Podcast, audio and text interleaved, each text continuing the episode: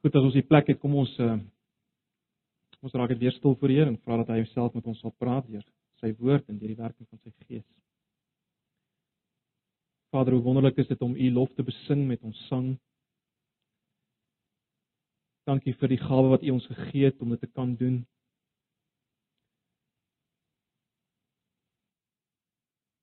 Here, ons weet dat ons uiteindelik eendag in u teenwoordigheid die lof dag en nag sal besing. En dit sal ons grootste begeerte wees. Omdat u so heerlik sal wees. So heerlik is. Dat ons geen ander begeerte sal hê nie. Here, ons wil nou bid dat u vir oggend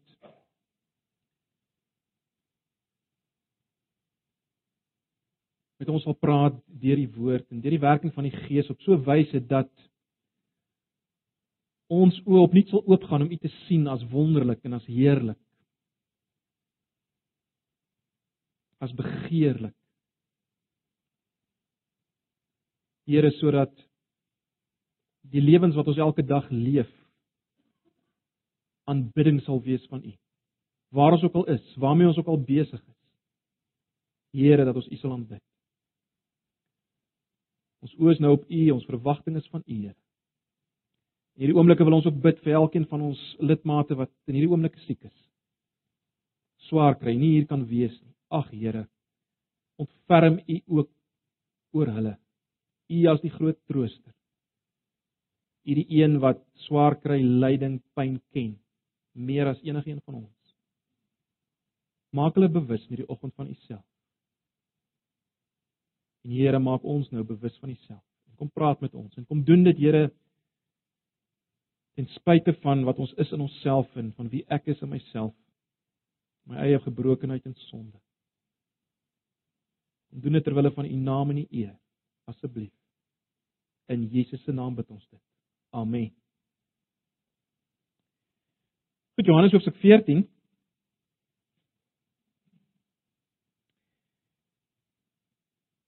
Terloops broers en susters, julle sal oplet dat ehm uh, dat ek nie aan elke gedeelte aandag gee in my prediking, elke gedeelte in Johannes nie. Dit is juist die gedagte met die met die selgroepe, die studies wat uitgewerk word dat uh, julle die geheel prentjie kan kry en elke gedeelte onder oog kan kry. Uh, ek lig maar sekere gedeeltes uit. Anders te gaan ons baie baie lank besig gewees met uh, met Johannes. So ehm uh, ons het nie na alles in Johannes 13 gekyk nie. Kom ons kyk vanoggend na die eerste 6 verse van Johannes 14 en as die Here wil sal ons eh, nog 'n geleentheid spandeer aan eh, Johannes 14. Johannes 14, kom ons lees net die eerste 6 verse. Ek lees maar die 83 vertaling. Julle moenie ontsteld wees nie, glo in God, glo ook in my. In die huis van my Vader is daar baie woonplek. As dit nie so was nie, sou ek nie vir julle gesê het dat ek gegaan om vir julle plek gereed te maak nie. En as ek gegaan het, en vir julle plek gereed gemaak het, kom ek terug en sal julle na my toe neem sodat julle ook kan weet waar ek is. En julle ken die weg na die plek waarin ek gaan. Thomas sê toe vir hom: "Here, ons weet nie waarheen jy gaan nie. Hoe kan ons dan die weg daarin ken?" Jesus het vir hom gesê: "Ek is die weg en die waarheid en die lewe. Niemand kom na die Vader toe behalwe deur my nie." Lees net tot sover. Broers en susters, ek dink julle sal my saamstem. Uh dat as 'n mens jouself op 'n vreemde plek bevind, kom ons sê op vakansie, kom jy by 'n vreemde plek aan, uh is die groot vraag wat jy het, uh Wat is die plek waarna toe ek nou gaan? Hoe lyk dit daar? Nee, dan word jy jy het 'n vraag na die plek waarheen toe jy nou op pad is as jy kom in 'n vreemde situasie vreemde gebied, vreemde stad. Hoe lyk die plek? En en, en 'n volgende vraag is maar, hoe kom ek daar, nê? Nee, wat is die pad na hierdie plek toe? Dis dis dis die vraag waarmee mens sit. En uh, as mens mooi gaan daaroor nadink, is dit die twee groot basiese vrae in 'n mens se lewe. Dwars deur jou lewe. Dit is eintlik hierdie twee vrae. Die vraag na die plek, die vraag na die pad. Uh dit bly die vraag ook in 'n Christelike lewe hierdie twee basiese vrae. En dis die dis die twee vrae waarmee die disippels in Johannes 14 sit. uh of wat ek so sê, hulle worstel daarmee binne 'n nuwe situasie. En ons gaan nou sien hoe Jesus hulle vertroos met antwoorde op hierdie twee basiese vrae. Hoe hy hulle gaan vertroos. Nou, dit is ehm uh, dis merkwaardig as mens nou dink aan hierdie vertroosting van van Jesus, uh, die vertroosting wat hy sy disippels gee. Uh, dis merkwaardig as mens dink waarheen Jesus op pad is, nê? Nee, die kruis lê voor, die absolute pad van lyding. Dit lê voor. Uh in die vorige hoofstuk, uh eintlik in hoofstuk 12 al in vers 27 sien ons dat Jesus sê hy's hy's ontstel. Hy's diep ontstel. Want hy het presies geweet wat lê voor. Mens kan amper sê hy is die enigste een wat in hierdie situasie vertroosting nodig het. Hy moet vertroos word. Hy het onderskraging nodig. Uh as mens dink aan die bittere smart wat voor lê, hy het ondersteuning nodig. En tog is dit steeds hy wat uh kom en hy gee vertroosting en daarmee saam gee onderrig, onderrig wat vertroos, hy kom gee dit. En hy doen dit. Hy doen dit want sy disippels is ook ontstel. Uh ons sien dit uit vers 14 as hy sê julle moenie ontsteld wees nie. Sy disippels is ontstel. Hulle is nie ontstel vir dieselfde rede as waarvoor hy ontstel of waaroor hy ontstel is nie. Uh hulle het nie die kruis wat vir hulle voorlê en die, die pad van lyding op dieselfde wyse nie. Uh maar hulle is ook ontstel uh omdat hulle onseker is. Hulle is eintlik verward oor uh oor wat gaan nou gebeur as Jesus weggaan, né? Nee, dis die groot ding. Wat gaan gebeur as Jesus weggaan? Het waarskynlik bedreig gevoel. Wat gaan van ons word as Jesus weggaan? En ek dink dit is sekerlik aangehelp deur deur Petrus se mislukking wat aangekondig word uh in Johannes 13 vers 38 uh word sy mislukking aangekondig en en sekerlik die vraag waarmee hulle sit is dit kyk as Petrus nie getrou gaan bly as hy dit nie gaan maak nie wat vir ons Waar gaan ons beland? So dis waarskynlik die die worsteling waarmee hulle gesit het, die vraag waarmee hulle gesit het. Waar gaan ons eindig? En is tot hierdie groepie. Hierdie groepie onseker ontstelde disippels. Dis tot hierdie groepie wat Jesus se woorde kom uh in vers 1. Julle moet nie ontstel wees. Gelukkig gaan Jesus verder as net julle moenie ontstel wees nie, né? Nee. Hy Hy sê vir hulle prakties hoe hoe hulle moet kalm word, as ek dit so kan stel, né? Nee. Hy sê dit vir hulle. sien julle dit? Vers 1. Glo in God, glo ook in my. Nou ek ek dink ons lees baie maklik hieroor. Uh, ons sien dit self uh, dalk nie eers meer raak nie. Jesus koppel homself hier aan aan die Vader, aan God die Vader. En daarmee bevestig hy natuurlik weer sy godheid.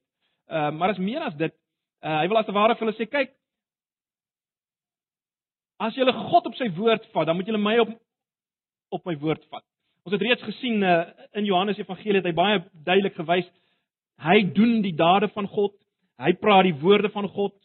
Kyk maar weet uit weer na Johannes 5 vers 19 en verder. En daarom moet hy vertrou word soos God. En dis wat hy basies vir hulle sê, né? Nee. Vertrou my. Vertrou my as ek sê moenie ontsteld word nie. Dis wat hy eintlik sê. Glo my. Glo my glo ek in God. Vertrou my as ek sê moenie ontstel word. Waarom? Hoef hulle nie ontstel te word? Hoekom? Hoekom kan hy dit sê? Wel, dis baie duidelik, dis tot hulle voordeel, né? En uh, die woordjie tot hulle voordeel gaan 'n hele paar keer voorkom uh in hierdie laaste gedeeltes, maar die die, die punt hier is dit. As hy weggaan, gaan hy om vir hulle plek te berei en dan kom hy terug om hulle te kom haal sodat hulle kan weet waar hy is. En dis hoekom hulle nie ontstel hoef te wees nie. Dit laat mense amper dink aan 'n in 'n situasie wat mens kan kry as as mense op pad is na op, op vakansie. Ons sê jy's op op pad uh, om vakansie te gaan nou, uh, almal is gereed en sit as te ware al wag om te gaan en dan dan sê die pa, daar's daar's iets fout met die motor, ek moet gou-gou uh, dit gaan regmaak. En almal is, is hartseer want hulle wil nou eintlik gegaan het. Saam, hulle wil nou vertrek het. En en hierdie pa nou weggaan. En dan sê die pa wel, dis tot julle voordeel. Moenie hartseer wees nie. Ek kom terug en dan gaan julle saam met my. En dis dis as te ware wat Jesus hier sê, né? Jesus gaan om plek voor te berei. Nou in die konteks van Johannes se evangelie dink ek nie ons moet daaraan dink dat uh, Jesus nou besig gaan wees met 'n hemelse bouprogram om sekere dinge daar te bou nie. Uh om die waarheid te sê, hy sê daar is baie wonings. Uh ons ek dink ook nie ons moet dink in terme van Jesus gaan nou om alles af te stof en reg te kry nie. Uh, dis nie waaroor dit gaan hier nie, né? Nee. Wat berei die plek voor? Wel, dis Jesus se gaan wat dit voorberei. Jesus se gaan via die kruis en opstanding. Dis wat uh die plek vir hulle voorberei. In ander woorde, uh dis wat dit vir ons moontlik maak om deel te hê aan die hemelse heerlikheid. Dis Jesus se gaan via die kruis en die opstanding. So dis wat ons hier moet raak sien, né? Nee. Ons kan dit so stel, daar's geen ander manier uh wat kan verseker dat ons uiteindelik by God sal wees en sy teenwoordigheid sal wees as die sterwe, die opstanding en die verheerliking van Jesus. Dis die enigste rede waarom ons kan weet ons sal daar wees. Maar let nou op vers 4. Kyk gou na vers 4. Nou kom Jesus en hy sê: "Julle ken die weg na die plek waarheen ek gaan."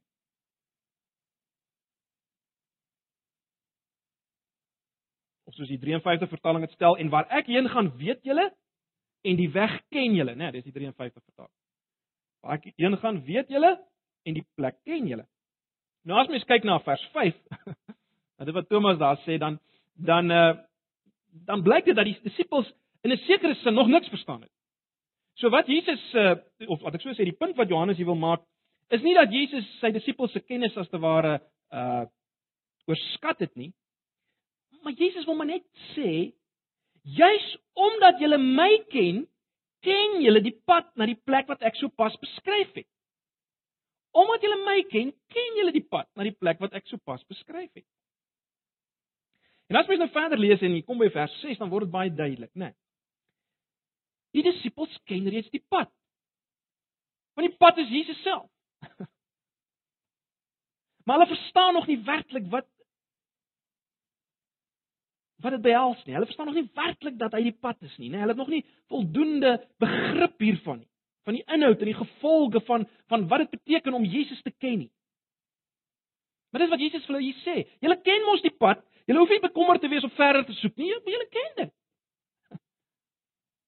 Pad staan as te ware voor julle. Nou vers 6 is natuurlik die antwoord op Thomas se vraag in vers 5, né? Nee, sien julle Thomas in vers 5? Here, Ons weet nie waarheen hy gaan nie. Hoe kan ons dan die weg daarheen ken? Nou Thomas, terloops in Johannes Evangelie word word vir ons geteken as hierdie getroue uh dapper disipel aan die een kant, maar aan die ander kant 'n ou wat ge, geplaag word, net deur twyfel en misverstand. Ongeloof. En hy kom en hy sê maar ons weet nie waarheen hy gaan nie, ons weet ook nie hoe om na te kom nie. Nou dit is vreemd, nê, nee, want want Jesus het uh, nou reeds duidelik gesê waarheen hy gaan. Hy gaan na die huis van sy Vader. Woonplek van sy Vader. En hy het gesê dat hulle reeds die pad ken. En hy gaan nou nog duideliker die pad uitspel, nê. Nee. Ehm um, In vers 5 is die hele vraag eintlik die vraag na die pad. En daarom in vers 6 gaan die klem nou lê op hierdie pad of dan die weg as jy wil. Dis die hooftema van vers 6, né? Nee, is die pad na God. Die weg na God. Nou ons moet baie mooi verstaan die terme pad of weg, waarheid en lewe is nie drie kan ek amper sê uh losstaande sake nie. Né? Dis nie drie losstaande sake nie. Die begrippe waarheid en lewe is as te ware net 'n uh, ondersteunende begrippe, né? Nee. In ander woorde, dit kom daarop neer Jesus is die weg omdat hy die waarheid is en Jesus is die weg op die pad omdat hy die lewe is, né? Nee, dis hoe ons dit moet verstaan. En natuurlik broers en susters, Jesus of laat ek so sê, uh as Johannes hierdie dinge opteken, dit wat Jesus hier sê, is dit is dit nie vir ons behoort dit nie vir ons iets nuuts te wees nie, né? Nee. Dit wat Jesus hier sê nie hoort nie iets niets te wees. Ehm uh, hy trek as te ware net die die lyne nou deur die konsekwensies van dit wat hy al reeds gesê het, nie waar nie? Jesus is die waarheid. Ons het van die begin af gesien. Hy is die selfbekendmaking van God. Hy vertel God aan ons en God is die bron van alle waarheid. En hy en God is een. Ons weet dit. Ons het dit gesien dwars deur die evangelie van Johannes. Hy's die waarheid. Ons het gesien hy is die lewe. In hom is die lewe. En die lewe was die lig vir die mense. Ons sien dit reeds in die proloog van Johannes, né? Nee. In hom is die lewe van in verhouding wees met God en mekaar. Hy is die opstanding en die lewe. Het ons in hoofstuk 11 gesien. Dis nie vreemd nie. Nie vreemde dinge wat hy hier sê nie. En en daarom omdat hy dit is, die waarheid en die lewe, kan hy die pad na God wees, die weg na God. Vir vir my en jou, vir ander mense. Omdat hy dit is, kan hy die pad of die weg na God wees, né? Nee. Of as jy dit sou wil stel, daarom kan hy die pad wees na die woonplek uh by die Vader. Hy is die toegang. Hy is die enigste toegang tot die teenwoordigheid van God. Dit is belangrik om raak te sien, hy is dit, né? Nee. Hy is die weg, die waarheid en die lewe. Hy stap nie maar net voor en kap die pad oop nie. Hy vertel nie maar net van die weg nie. Hy leer ons nie maar net van die lewe nie. Hy is dit self. En ons gaan net nou weer daarop ingaan. Hy is dit self.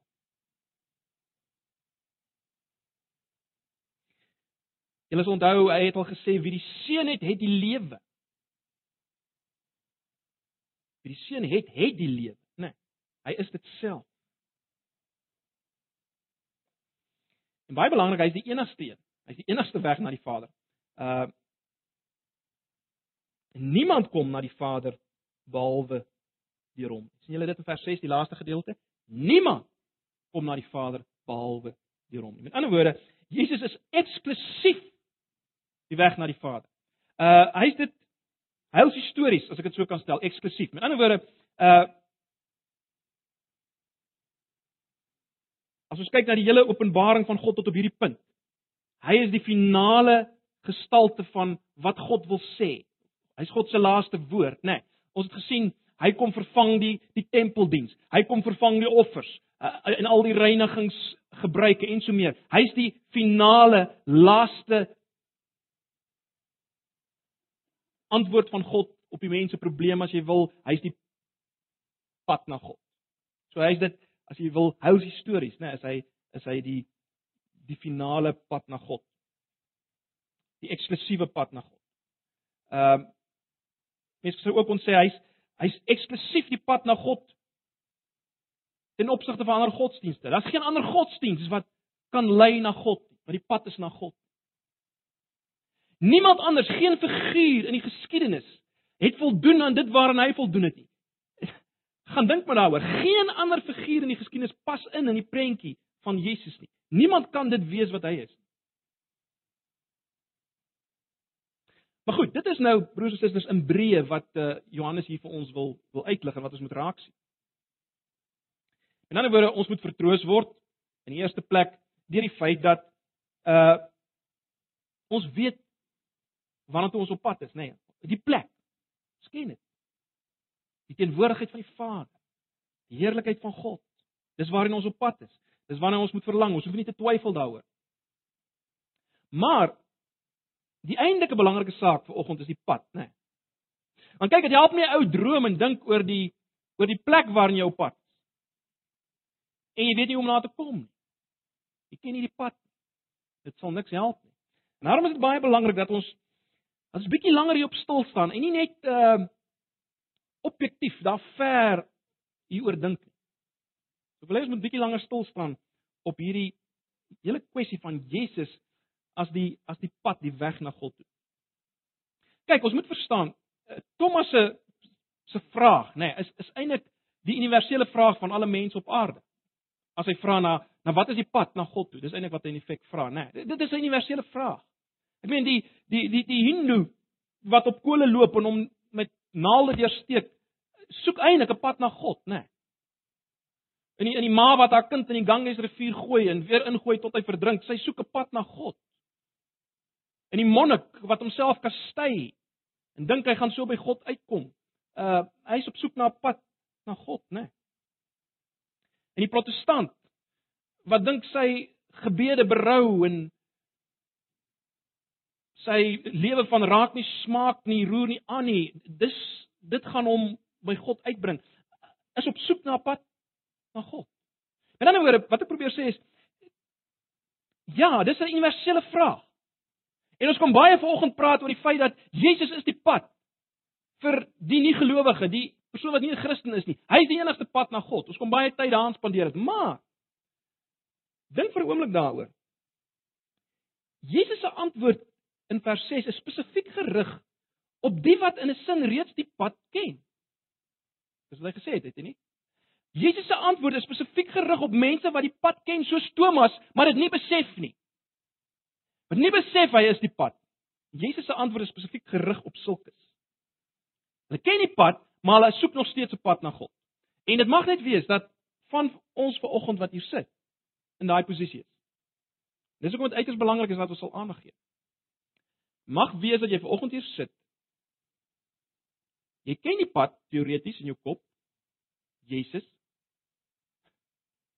Maar jy verstaan dit nog. Jesus Thomas, wat dit nog nie raak sien. So kom ons dink vir 'n oomblik oor oor hierdie uitspraak. Ons kom ons vat dit bietjie op 'n dieper vlak. In die eerste plek, as Jesus praat van homself as as die pad of die weg, dan is dit baie duidelik, hy praat nie van 'n een eens en vir altyd seëning of ervaring of belewing nie, nê. Nee. Hy praat eerder van 'n belewing wat voortdurend is. Né? Nee, dis die gedagte agter pad. Hy praat van 'n belewing wat voortdurend is. Met ander woorde, dit gaan nie hier oor Jesus wat die deur is nie. Hy's ook die deur. Julle sal weet hy daaroor gepraat al. Dat ek is die ek is die deur van die skape. Maar dis nie waaroor dit hier gaan nie. Hy is ook die pad wat elke dag geloop moet word deur die mense wat deur die deur gekom het. Hy moet die voortdurende teenswoordige tyd wees. Dis wat hy sê. Hy moet die voortdurende teenwoordige tyd wees. En broers en susters, as ons ver oggend teenoor mekaar moet erken, is dit nie so dat baie van ons uh moet erken dat dit was een ding om deur die deur te kom. Dit was een ding om deur Jesus die deur te kom. Dis 'n ander ding om op hom te wandel as die pad. Is dit nie so nie? Dis moeilik om vars gemeenskap met God te behou. Dit wat ons aan die begin gehad het, toe jy deur die deur gekom het. Dis moeilik om daardie vars gemeenskap met God te behou, is dit nie? Dis moeilik om die vrede in ons harte te behou. Dis moeilik om die genademiddels te laat werk in ons lewens. Gebed, Bybel lees. Aanbidding word so maklik onrealisties, is dit nie? Of is dit net ek wat daarmee sukkel? Aanbidding word so maklik onrealisties. Ons vind dit moeilik om effektiewe getuies vir Christus te wees, is dit nie? En dan oor die punt wat ek wil maak is baie van ons wat deur die deur gekom het. sukkel om op die pad te loop. Jesus die weg. Ek dink wat in baie van ons gebeur het is dit ons het as te ware as ek dit so kan stel om die beeld te gebruik, ons het afgegly van die hoofpad wat God daar gestel het. En ons is nou besig om langs die pad te ploeter in die modder. Op ons eie paadjies wat ons vir ons probeer maak. Mens hoor baie die uitdrukking by Christene, dit voel of ek nie verder kom in my Christelike lewe nie. Julle het dit al gehoor, dalk voel jy self vanoggend so. Eh, dit voel nie of ek verder kom in my Christelike lewe nie. Wat is die probleem? Hoekom kom jy nie verder nie? Wel, die probleem is ons is dikwels in die posisie van Thomas. Ons ken die weg, ons ken die pad, maar ons het dit nog nie raak gesien nie. Wat het ons nog nie raak gesien nie? Ons het nog nie raak gesien dat Jesus die pad is. En ons probeer ander dinge die pad maak, maar dit werk nie, né? Dit werk bloot eenvoudig nie om ander dinge die pad te maak nie. Sommige mense voel wel gebed is die belangrikste ding in die Christelike lewe. En dit word by wyse van spreuke die pad vir hulle. Ander plaas weer Bybelstudie in daai plek. Ander gemeenskap met gelowiges. Uh ander persoonlike getuienis. Ander ouens doen dit met uh, gereformeerde teologie. Sien daar word gedink dat hierdie dinge sal vir ons die die regte volle Christelike lewe gee. Is dit nie so? Hierdie dinge wat ek nou genoem het en dan kan nog 'n paar ander dinge ook wees. Hierdie dinge sal vir ons die regte Christelike lewe gee. En daarom maak ons dit die pad. Maar die punt is broers en susters, nie een van hierdie dinge is die pad. Terloops, dis eintlik wat Jesus probeer sê deur die hele evangelie van Johannes. Al daai dinge van die ou verbond is nie die pad nie. En ons vandag maak weer al hierdie dinge maak ons die pad. En dit kan nie die pad wees nie. Al wat dit doen, dit maak die Christelike lewe, as ek dit so kan stel, dit maak die Christelike lewe hard en dor. Alhoewel ons dit net op 'n klein skaal die pad maak, dit maak die Christelike lewe hard en dor. Hoekom? Hoekom maak hierdie ander paadjies die Christelike lewe hard en dor? Wel, broers en susters, die groot rede is dit. Hierdie goed het geen antwoord op sonde nie. En sonde is ons groot probleem. Om dit so te stel, gebed, Bybel lees, gemeenskap met ander gelowiges, getuienis, goeie teologie kan ons nie van sonde reinig nie. En daarom kan dit nie die pad wees nie. Dit kan nie ons skuldige gewete vrede gee nie. Hierdie goed, kan dit doen soos jy wil, dit kan nie jou skuldige gewete vrede gee nie. In kort, iets wat nie 'n antwoord op sonde het nie, kan nie die pad wees vir Christene nie. Jy sien die waarde van hierdie dinge, as ek dit so kan stel, die waarde van al hierdie dinge wat ek genoem het, lê eintlik in die doen van hierdie goed. Is dit nie so nie? Jy moet dit doen. En die doen is juis ons probleem. Want ons kan dit nie doen nie. Of ten minste, ons kan dit nie doen soos ons geweet het vir ons sê ons moet dit doen nie. Ons laat verstaan ons moet dit doen nie. Ons kan dit nie so doen nie. En omdat ons dit nie so kan doen nie, omdat ons misluk om dit te doen soos ons gewetens vir ons sê ons moet dit doen of behoort te doen, omdat ons misluk, gee dit nie vir ons vrede nie. Ons het nie vrede nie. Ons doen al hierdie goed, maar ons het nie vrede nie. As ons dan slaag om dit te doen soos ons dink ons moet dit doen wel, dan lei dit weer tot hoogmoed en dan is alles weer daarmee. Né? Nee.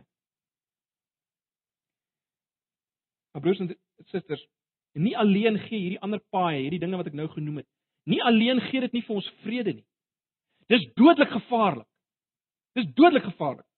Uh Paulus in Romeine 7 praat uh van die wet en dan sê hy Die wet wat ek gedink het vir my lewe gaan bring, het vir my die dood gebring. Romeine 7 vers 10. Kom ek stel dit so. Die persoon wat sê ek glo in gebed, ek glo in getuienis of ek glo in gereformeerde teologie, is op pad om homself onder die vloek te plaas. Want jy gaan misluk. Jy gaan jou jy gaan die standaarde wat jy glo jy moet bereik breek. Jy gaan jouself onder die vloek bevind. Jy sien wat gebeur is dit. Hierdie dinge word as te ware vir jou weer 'n wet. Né? Nee. In Galasiërs 3 maak dit baie duidelik. As jy jouself onder die wet plaas, dan plaas jy jouself weer onder die vloek. Hoekom? Want een of ander tyd gaan jy dit verbreek. Jy moet of volkome dit maak of jy gaan vervloek word deur daai einste wet wat jy maak. Daar's net een in wie jy kan glo sonder om uiteindelik vervloek te word. En dit maak Galasiërs 3 vir ons baie duidelik en dis Christus. Hoekom? Want Jesus het is klaar vervloek. Vir die feit dat ek en jy dit nie maak. Hy's klaar vervloek in ons plek en daarom omdat hy die vloek vloek gedra het, kan hy die pad wees. Net hy. Net hy. Jy sien hierdie ander paaie gemaak dat jy onder die vloek kom gebondenheid, slawedien. Dis waarvoor Jesus juis gekom het, broers en susters, om ons te bevry daarvan. Jy gaan in wanhoop verval as jy hierdie ander paaie loop. As dit vir jou die pad word. Nou miskien sit jy volgende en jy sê, "Wel, Jakobus, ek dink nie aan hierdie dinge as die as die pad self nie, maar dis net vir my 'n pad na Christus." Hoor julle dit? Dis net vir my, hierdie goed wat jy nou genoem het. Dis net vir my 'n pad na Christus. Aha. Daar is geen pad na Christus nie. Hy is die pad. Dis ons die fout maak. Hy is die pad. Hy is die weg. Ons het nie 'n pad na die pad nodig nie. Ons het nie 'n weg na die weg nodig nie. Jy sien, dis juist hierdie klein paadjies wat ons vat na die wat ons wat ons dink gaan ons by die pad uitbring. Dis juist hierdie paadjies wat ons in die moeras laat beland. Sodat ons voortploeter. En ons nooit by die pad uitkom. Dis juist hierdie paadjies wat maak dat ons nooit op die pad kom. Nou, die logiese volgende vraag is natuurlik nou maar wat is dan nou die plek van hierdie goed wat jy genoem het? Wat is die plek van van gebed en Bybellees en gemeenskap uh met gelowiges en al die dinge wat ek genoem het? Want let wel, dis belangrike dinge, dis deel van ons Christelike lewe. Wat is die plek daar? Kom ek stel dit so. 'n Voortdurende lewe op die pad Jesus, 'n toegewyde lewe met Jesus, 'n lewe op hierdie pad Jesus word sigbaar in gebed. Dit voed op die woord. Dit loop oor in getuienis. En as daar nie meer gebed is en voet op die woord nie, wel dan is dit omdat ons uitvoering geraak het met Jesus. Maar nou, baie belangrik. Wat is die genesing vir hierdie uitvoering raak met Jesus? Baie van ons dink die genesing is om meer Bybel te lees. Ek wil net ek wil net meer bid. My enige probleem is ek getuig nie genoeg nie. Dis nie die genesing. Met ander woorde, die genesing is nie om meer van hierdie goed te probeer doen nie.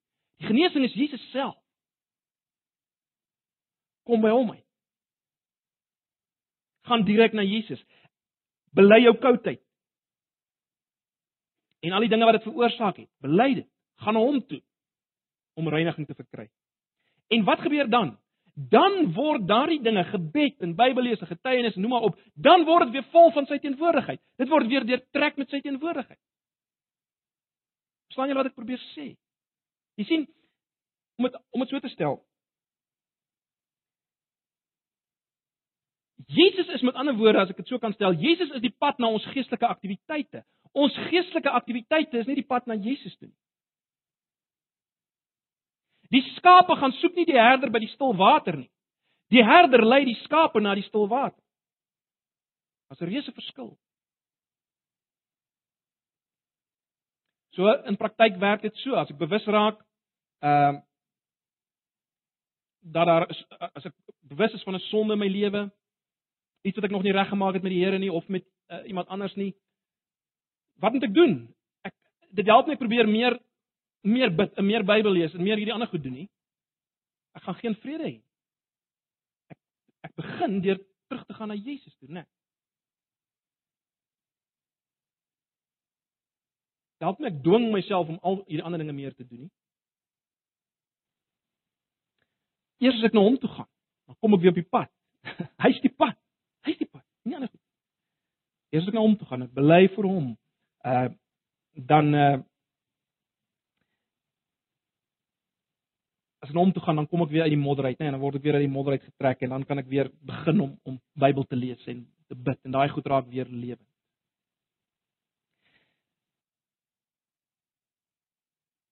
Baie belangrik broers en susters, hoekom werk dit so? Hoekom is Jesus alleen dit? Wel, weer eens as gevolg van die volmaakte werk aan die kruis, nê. Nee, met ander woorde, as jy as jy dit so wil stel, mens kan sê die hierdie pad is nooit los van die kruis en die bloed van Jesus. Dis nooit staan nooit los van die afgehandelde werk van Christus. Ons het die afgehandelde werk van Jesus nodig, nie net as ons Christene word nie. Ons het dit gedurig nodig. En ons kan weet niks wat ek doen kan hom ontkant vang nie. Niks is erg vir hom nie.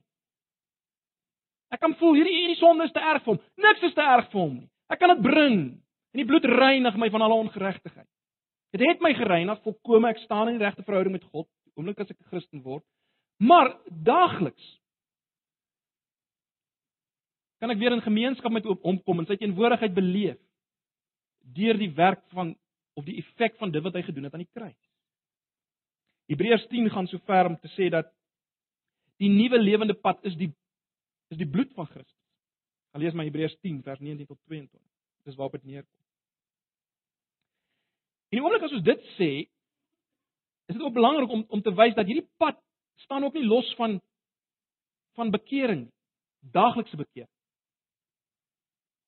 En dit wat belangrik is om te verstaan dat Jesus is ook die waarheid, né? Nee. Met ander woorde as die waarheid van wie hy is, as te ware op op die op die pad skyn.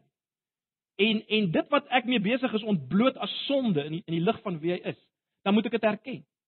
Ek moet saamstem daarmee. Ek moet saam met God daaroor stem.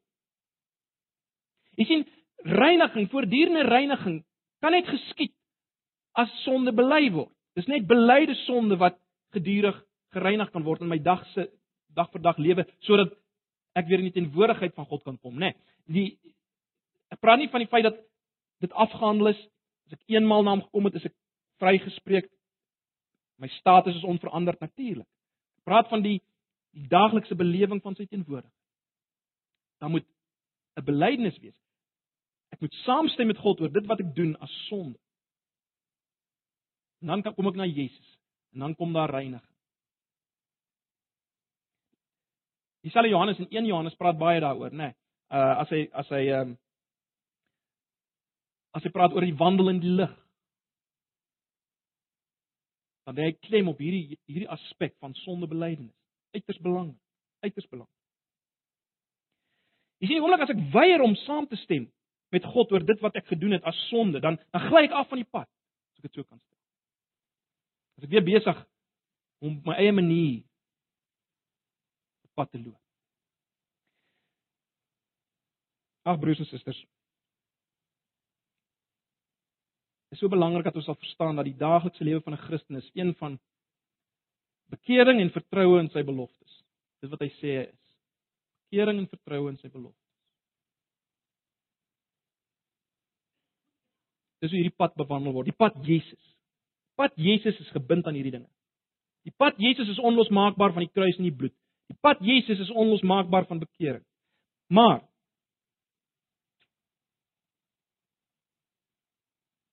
As Jesus sê ek is die pad. Baie belangrik. Hy is by uitstek dat ek dit so stel. Die wandel op hierdie pad is by uitstek om met Jesus self te wandel. Dit is baie belangrik. Jy sien die, die fokus moet nou nie weer alles val op op reiniging en bekering nie. Dis steeds Jesus om met hom te wandel elke oomblik. Jy sien soos ek gereinig is, kan ek elke dag in elke omstandigheid by die werk, waar ook al is by die huis, kan ek na hom draai. Na hom kyk vir leiding, vir hulp. Of ek kan hom net prys. Waar ek is, elke dag, elke oomblik, kan ek hom net prys vir wie hy is, vir sy teenwoordigheid. Bewus raak daar. Hy is die pad. Hy is die pad van die Christelike se dit is die Christelike lewe, hy self. Nie iets anders nie, dis hy. Daar's geen deel, kom ek stel dit so, daar's geen deel van my lewe waar ek los van hom hoef te wees of moet wees. In eenheid met hom, elke oomblik, elke dag, alles waarmee ek besig is.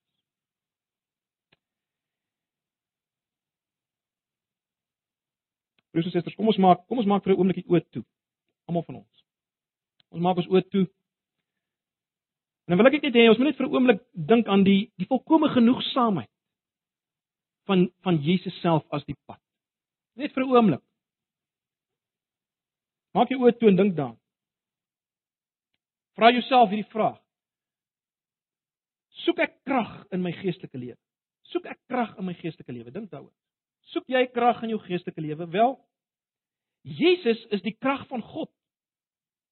1 Korintiërs 1:24. Hy is die leeu van Juda. Openbaring 5 vers 5. Hy is dit. Soek jy dalk sekuriteit vandag? Soek jy veiligheid?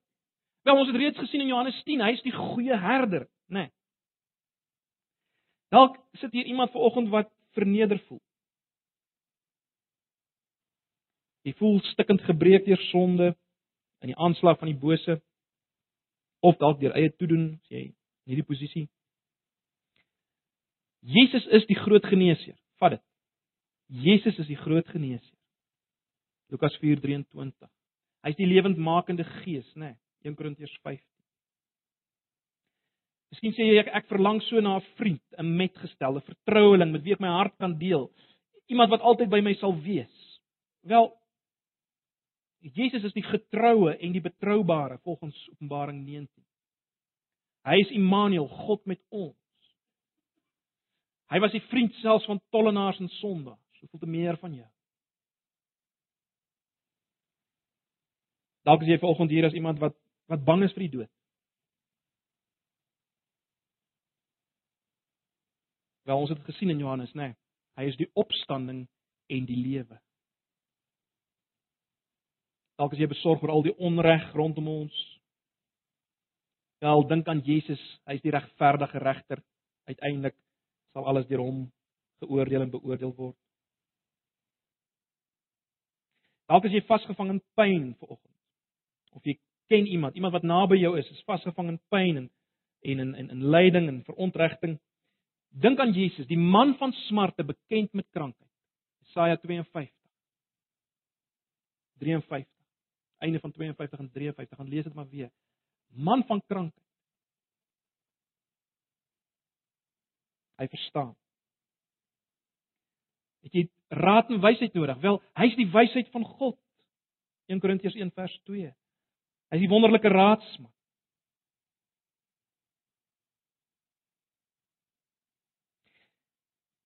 Dalk is jy moeg en moedeloos. Uh jy het nie krag om te bid nie. Uh jy begeer dat iemand namens jou met God praat. Jy voel God is ver en God gee dalk nie om nie. Wel, Jesus is die middelaar. Jesus is die middelaar. Jy moet dit vat volg. Hy doen vir ons voorbinding volgens Romeine 8 vers 26 en 27. Hy is ons voorspraak by die Vader. Hy is ons voorspraak by die Vader.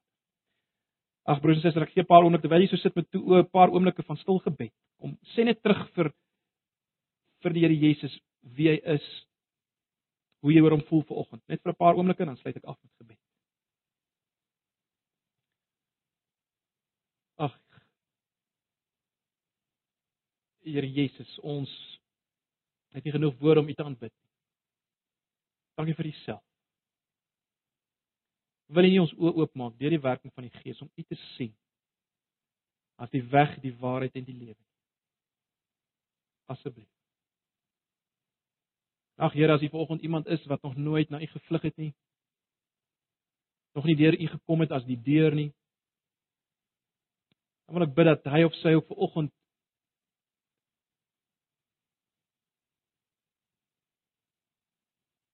sal besef en sal raak sien dat daar geen ander weg is nie, geen ander pad na God nie. Dat U die pad is, dat U die, die enigste pad is. En dat U heerlik is en wonderlik is. Asseblief.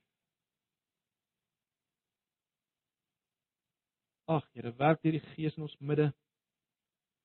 Plaas die vinger op die sondes in ons lewe wat verhinder dat